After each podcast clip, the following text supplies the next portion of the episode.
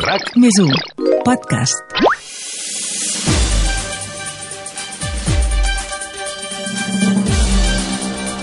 RAC més 1 us ofereix 14F amb Adrià Santa Susanna, la guia pràctica per les eleccions del 14 de febrer amb el suport de la Generalitat de Catalunya. Hola, què tal? Com esteu? Espero que, sincerament, estigueu millor que les eleccions. Quan vam començar aquest podcast ja intuïem que la situació seria complicada, que votar en temps de pandèmia comportava molts riscos, com per exemple un ajornament electoral. El que no ens hem arribat a pensar és que estaríem en aquest canvi constant de data, en un que sí que no, que nunca te decides, que cantava el símbolo. Vam començar aquest podcast per les eleccions del 14 de febrer, el vam ajornar perquè es traslladaven el 30 de maig, però el Tribunal Superior de Justícia de Catalunya les ha marcat de nou pel 14 de febrer. Almenys de moment, i dic de moment eh, perquè això pot tornar a canviar fins al dia 8 de febrer, que és quan el Tribunal donarà la resolució definitiva. Per tant, tot fa preveure que començarem la campanya electoral sense saber exactament quan votarem, si serà el 14 de febrer o si serà el 30 de maig. I això, doncs, com és evident, ens ha fet trastocar també tot el calendari que teníem eh, sobre aquest podcast. I al final, eh, mira, mireu. Això és el calendari que teníem previst fins ara, que evidentment salta pels aires. I el que, mira, el que farem serà anar fent, anar tirant i anar a explicar-vos, mentre estiguin convocades les eleccions, tot allò que les envolta, tota la informació que necessiteu saber, i més ara, quan les informacions eh, i les notícies són sempre tan confoses. I avui tornem, tornem el 14 de febrer i ho fem parlant del vot per correu. I és que si al final acabem votant el 14 de febrer, no hi ha cap dubte que una de les claus d'aquestes eleccions serà precisament el vot per correu. Ho hem vist als Estats Units aquest passat de mes de novembre de l'any passat, del 2020, com s'ha multiplicat exponencialment. Per això és important que qui vulgui votar, si us esteu plantejant votar per correu, doncs eh, que sapigueu com s'ha de fer sobretot per minimitzar riscos, si ens podem estalviar en el col·legi electoral i així també doncs, deixem la feina feta. En aquest episodi parlarem d'això, del vot per correu. Us explicarem què s'ha de fer per poder votar anticipadament, com funciona el procediment i les diferents vies que teniu a disposició.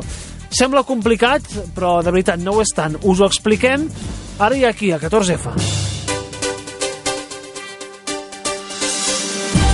Parlàvem amb ell en un altre episodi de 14F sobre el vot exterior i avui hi volem tornar a parlar pel vot per correu, sens dubte, importantíssim en aquestes eleccions. Ismael Peña-López, director general de Participació Ciutadana i Processos Electorals, com estem? Hola, què tal? Votar per correu és la millor opció aquest 14 de febrer? Sense cap mena de dubte. Uh, és el que ens garanteix, per una banda, que si estem malalts hi haurem a més el vot, per tant no perdrem l'oportunitat d'anar a votar, i, i sobretot tot el que sigui reduir el nombre de persones que estiguin en un moment donat en una cua o que estiguin en un col·legi electoral fa que les eleccions per a les persones que hi vagin són més segures. Quan dic malalt vol dir absolutament inhabilitat, 43 de febre i mobilitzat amb un llit. Eh, sí que mirarem de que la gent que estigui contagiada pugui anar a votar, però hi ha moments en què un realment no pot ni moure's al llit. Si un ha enviat per correu el seu vot, ja ho té fet. Clar, ho hem vist ara fa pocs mesos a les eleccions dels Estats Units, on es va multiplicar exponencialment el, el vot per correu. En aquests moments, respecte a les últimes eleccions, eh, ho heu notat, eh, que la gent eh, està més predisposada, ja va fer aquesta sol·licitud per votar per correu? I tant, la mitjana ara mateix està en cinc vegades més les mateixes dates del 2017, això s'ha d'agafar amb pinces perquè són dates molt diferents i són eleccions molt diferents. En el 2017 van ser una mica sobtades i bastant forçades, les ara no ho són, però també és Nadal. Però la mitjana de ritmes que hem tingut és com cinc vegades més de sol·licitud de vot respecte al 2017. Ara mateix una persona que pugui estar pensant això de les eleccions, mira, jo aniré a votar el 14 de febrer directament i ja està, no cal demanar el vot per correu. Una persona que estigui pensant això, què li diria a vostè? La primera és que és molt fàcil. La versió normal és anar a una oficina de correus a sol·licitar-lo allà i després vindrà el carter a casa i en el mateix moment que vingui el carter a casa eh, es recull la documentació, s'omple i se li dona. Per tant, no has de tornar a sortir de casa.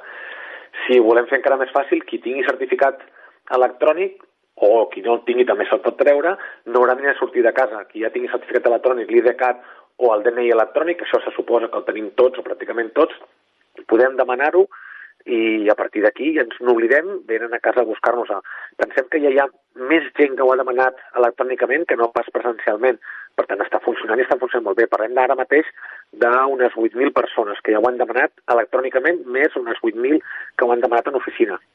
Per fer la sol·licitud per votar per correu hi ha dues vies, la presencial i la telemàtica. Parlem d'aquesta via telemàtica. Què es necessita per poder demanar el vot? Ens cal un certificat electrònic reconegut, que són els forts de la Fàbrica Nacional de Moneda de Timbre, el DNI electrònic o l'IDCAT certificat, que és el nostre. També valen, hem aconseguit que valguin els equivalents a l'IDCAT certificat d'altres autonomies. Per tant, si tenim una persona que està vivint a Galícia en aquell moment, pot també demanar amb el seu IDCAT gallec, que no sé ara mateix com es diu, pot demanar uh, telemàticament uh, a través del web de correus uh, això, la sol·licitud del, del vot per correu. Per tant, la, la, la sol·licitud telemàtica per votar per correu es fa des de la web de Correus. Exacte. I és senzill aconseguir aquests certificats digitals?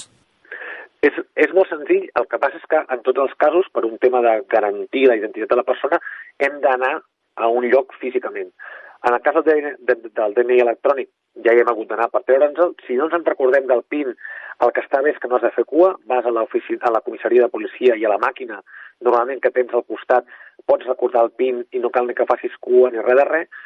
En el cas de l'IDCAT certificat, has de sol·licitar-ho com una entitat registradora, això anem al, al web del de, Consorci Administració Oberta de Catalunya, i a partir d'allà veiem quines són el llistat d'entitats registradores. Generalment, a la zona metropolitana i costanera és pràcticament a tots els ajuntaments, a les zones de l'interior són els Consells Comarcals, oficines de la Generalitat. Però anem allà i en un moment et donen uns papers que un cop arribes a casa t'instal·les el certificat i ja està.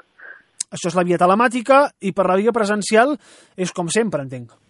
Com s'ha fet tota la vida, amb, amb la novetat que a Correus, pràcticament la meitat d'oficines, que són les més concorregudes, ha instal·lat un sistema de, de petició de cita prèvia, amb la qual ens hauríem d'estalviar les cues i sabent que t'ha tocat a una hora determinada anar allà i bueno, probablement esperar-te uns minuts, però no haver de fer una gran cua, sinó ja tenir la teva franja horària reservada per tu. Vas allà, presentes el DNI i et donen la documentació. Per tant, també s'ha d'anar a la web de Correus, demanar cita prèvia, que és per, uh, específicament per poder votar en aquestes eleccions, i en principi Exacte. ens podem uh, saltar totes les cues. Ah Un cop hem fet aquesta sol·licitud, arriba el moment que el carter de Correus ens ha de portar la documentació a casa. Què ens ha de portar? El que ens porta el carter és semblant uh, al, que, al, al vot per l'exterior i són bàsicament les paperetes i dos sobres. Les paperetes les posem dintre del sobre de, del vot, que és el mateix que trobem a les taules, per tant, és exactament el, el mateix tipus de material, i aquest conjunt de la papereta dintre del sobre per votar el posem en un altre sobre una mica més gros que diu a quina urna ha d'anar. Pensem que el vot per correu va a una urna específica en el mateix col·legi, a la mateixa mesa on jo hauria votat si fos presencialment, a la mateixa biblioteca de sempre o a la mateixa escola, i llavors el que diu aquest sobre és uh, uh, dipositeu aquest sobre, si plau en, aquest, a la, en el col·legi electoral X, a la mesa X. Llavors això s'ho endú al carter, està tot segellat, uh, no es pot obrir ni una cosa ni l'altra, s'embonotaria moltíssim, per tant és un vot inviolable, i això va directament a urna. Un cop a la urna, també els interventors, els membres de la mesa, poden veure que aquell sobre no ha estat obert de cap manera, no ha estat manipulat, i l'inspeccionen igual que inspeccionen els vots de la urna. Per cert, que la documentació l'hem de rebre nosaltres personalment, oi? És a dir, no, no la pot recollir ningú de part nostra. Exacte, hi ha dos intents, és a dir, el que el carter demana que, que la persona que el rep s'acrediti i si no hi és, torna un altre dia i si no hi és, deixa la nota com una carta certificada que s'ha d'anar a buscar a Correus. Però no ho donarà a ningú més que no sigui la persona responsable o sigui, la persona que emetrà el vot. I en cas que no ens trobin dues vegades, sí que haurem d'anar presencialment a Correus. Si ens troba a casa, la persona de Correus es podrà esperar i emportar-se el vot, si no tinc mal entès. Exacte, pot fer, es poden fer les dues coses. Se li pot dir, mira, marxa, que ja m'ho pensaré, que no ho tinc clar, i llavors ho has de portar a Correus tu personalment, o no, si ho tens ja molt clar, li dius, espera, sisplau, dos segons, es posa la butlleta dintre el sobre, es posa el sobre dintre l'altre sobre més gros, i ell s'ho endú i ja està, no te'n pots preocupar. A més que la gent ho tingui clar, que un cop has demanat votar per correu, ja no pots votar presencialment. És així, no? Exacte. Uh, per evitar que votem dos cops, el qual seria trampa, el que fa l'oficina del cens electoral és, en quan demanem i se'ns atorga el dret a votar per correu, ens tatxen de la llista de votar a la urna i ens posen a la llista de vot per correu. Llavors, el que sí es garanteix és que aquest vot arribarà a casa d'aquesta persona. Uh, si aquesta persona se n'oblida o ha tingut aquests dos avisos i no ha anat a correus a buscar-lo, perdrà el seu dret a votar. Encara que el diumenge vagi a la urna i ho porti tot en ordre, si en allà el tenen posat com a vot per correu, no el deixaran votar. Per tant, és important que quan ho demanem i se'ns concedeix, o fem l'esforç d'estar a casa o després anem a correus a votar, perquè si no, no votarem diumenge. Això és molt important. I del tema de, de tràmits, fins quin dia es pot demanar el vot per correu? Es pot demanar fins al 12, perdó, uh, fins al 4 de febrer i es pot emetre fins al 12. És a dir, que hem de fer la sol·licitud del vot per correu fins al 4 de febrer i tenim temps fins al 12 per poder entregar el vot a correus. Exacte. En aquest cas, aquesta, aquest, uh, el 12 de febrer Uh, en el cas de les oficines, de fer-ho per oficina, ha de ser el 12, a, les 12, a les 2 de la tarda, si es fa presencialment. Vale, presencialment el dia 12 de febrer uh, fins a les 2 del migdia. Si Exacte. no, ja no, ja no comptarà el nostre vot. Exacte. I ja per acabar, ho comentàvem eh, també eh, quan vam parlar amb vostè amb el vot exterior, que amb, amb la pandèmia molta gent triarà que, aquesta opció de votar per correu per evitar desplaçar-se al col·legi electoral. Correus eh, s'ha reforçat, està capacitada per fer aquest esforç i que tot arribi a temps? I tant. Uh, Correus en general s'ha reforçat moltíssim, moltíssim per tot aquest any perquè estan patint el fet que s'hagin incrementat moltíssim les transaccions telemàtiques com d'enviaments per, per, per, per correu postal, però a més eh, estem triangulant correus, la Generalitat i l'oficina del Cens Electoral per reforçar tot el dispositiu, tant del que és carters, horaris en oficines i molt important, que encara que no es vegi és la part més, més dura, tot el que passa dintre les oficines, de manipulat, de paperetes, d'impressió de paperetes, d'ensobrar, de plegat. Això estem treballant, insisteixo, amb la delegació del govern eh, a Catalunya que coordina Correus i coordina l'oficina del Cens Electoral, amb nosaltres, la Generalitat, per reforçar tots aquests dispositius i assegurar-nos que no quede cap vot per entregar ni per rebre ningú. Perfecte, doncs Ismael Peñalópez, director general de Participació Ciutadana i Processos Electorals, uh, moltes gràcies i fins la propera. Moltes gràcies a vosaltres.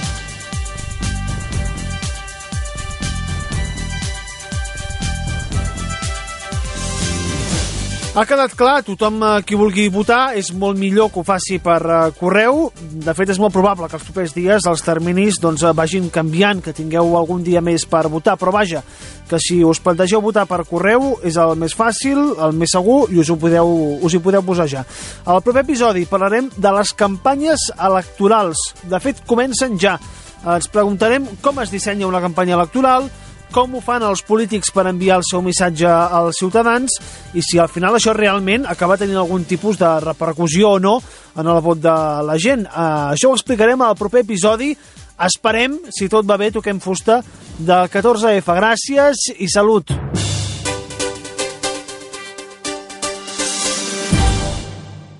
El 14 de febrer se celebren eleccions al Parlament de Catalunya. Davant la situació epidemiològica recomanem sol·licitar el vot per correu. Pots fer-ho a qualsevol oficina de correus o al web correus.es amb l'IDCAT certificat, el DNI electrònic o altres certificats reconeguts. Tens temps fins al 5 de febrer. Més informació al 012 o a parlament2021.cat. Generalitat de Catalunya. RAC més 1. Tots som Més 1.